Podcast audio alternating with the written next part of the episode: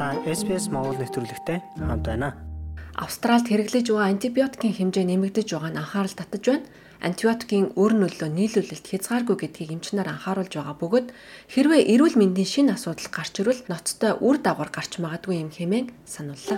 SPS A World of Difference. Антимикроболс нь бактери, мөөгөнцөр, шимэг чорхой, замун зарим төрлийн вирусын эсрэг хэрэглэгддэг өргөн хүрээний эм юм.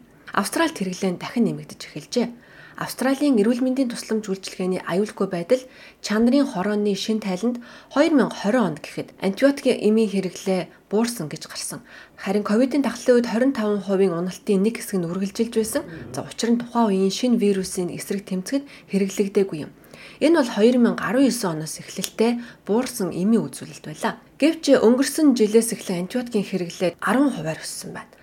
Австралийн хамгийн их хүн амтай 3 муж болох Шинэ Өмнөд Уэльс болон Виктория, Квинсленд мужуудад хамгийн өндөр хэрэглээтэй гарчээ. Профессор Джон Турнидж бол Австралийн эрүүл мэндийн тусламж үйлчилгээний аюулгүй байдал чанарын хорооны ахлах зөвлөх хэмжим. Тэрээр хэлэхдээ бид нэг талаараа антибиотикт хэд хамааралтай болсон байна хэмээн ярьсан юм а. 50 60 жилийн өмнө бид пенцилинийг гайхамшигт эмийн жагсаалтанд оруулж байсан. Тэгвэл одоо антибиотик бүх төрлийн халдварыг эмчилдэг гэсэн ойлголттой болчиход байна. Харамсалтай бид өвчтнүүд антибиотикийн хүлээлтийн байдалд орсон ийм мөчлөгт орчихлоо. Эмчнэр антибиотикийг хэтрүүлэн хэрэглэх нь нянгийн эсрэг төсвөртэй байдлыг үүсгэдэг гэдгийг анхааруулж байна. Нянгийн эсрэг бодис болох антибиотик уувал нянгийн 99.99%-ийг нь устгадаг.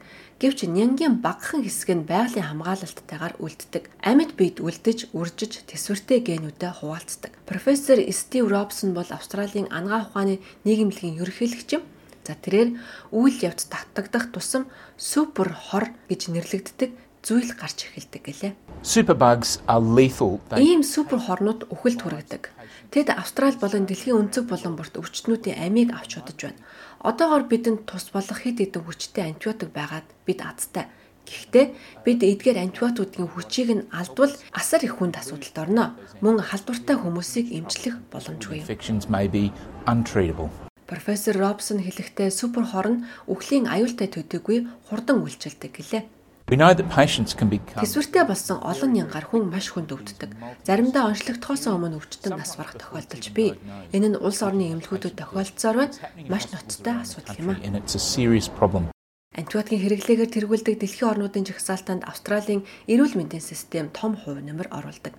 2021 онд эмнэлгүүдэд бичсэн нийт антибиотикийн бараг 4-ний 1 нь шаардлагагүй байсан гэж үзжээ мөн ахмад насны асрамжийн газар болон газар тариалангийн ажилд хэд их хэрэглэж байгаа нь анхаарал татаж байгаа юм. Профессор Робсон хэлэхдээ хүмүүс хичнээн их хамааралтай болсон ч антибиотикийн нийлүүлэлт хязгааргүй байдаг гэдгийг санах хэрэгтэй гэлээ. At the moment we have a small number of Одоогор манад маш хүчтэй хэвээр байгаа 100 тонны антибиотик байдаг.